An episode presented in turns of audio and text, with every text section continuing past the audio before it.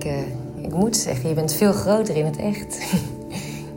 je, je weet wat ik bedoel, toch? Mm -mm, nee, dat viel niet tegen, zeker niet. Ik steek heel even een sigaretje op als je het niet erg vindt. Ja, goed, maar het was, het was anders dan ik had verwacht. Ja, beter eigenlijk. Ik had natuurlijk genoeg materiaal om bij te fantaseren. Het, is echt niet te geloven hoeveel er over jou te vinden is online. Oh, je hebt geen zin om dat samen even op te zoeken op mijn laptop? Oh, dan, prima natuurlijk, dat doen we dat niet. Hoeft ook niet. Waar ik wel benieuwd naar ben... Doe je dit vaker?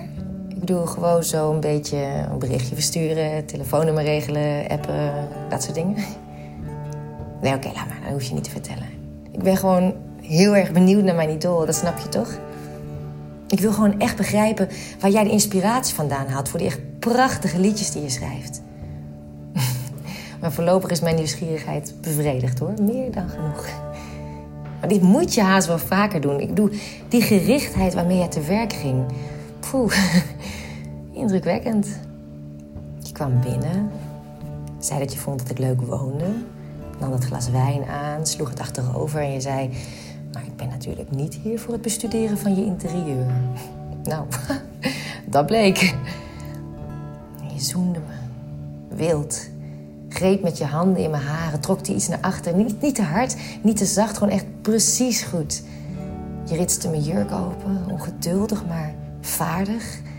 Je gleed met je warme handen over mijn nu naakte lichaam. Liet mij je shirt uittrekken, je broek losknopen. Ik zag en ik voelde dat je niet ontevreden was. En zo stonden we daar, naakt, tegenover elkaar in mijn woonkamer. Ja, oké, ik, ik, geef toe, ik heb echt even gedacht aan het maken van een selfie. Gewoon gezellig van ons samen. Opdat we niet vergeten. oké, maar goed. Daar was geen tijd voor.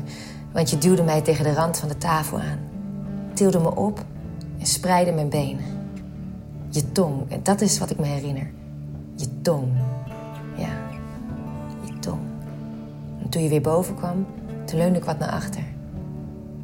Je kwam dichterbij, beet in mijn tepels, liet je vingers in mij glijden en stootte toen in mij. Ja, ja dat was dus toen ik dacht, je bent groter in het echt. En niet dat ik dat wist, maar uh, groter dan ik me had voorgesteld.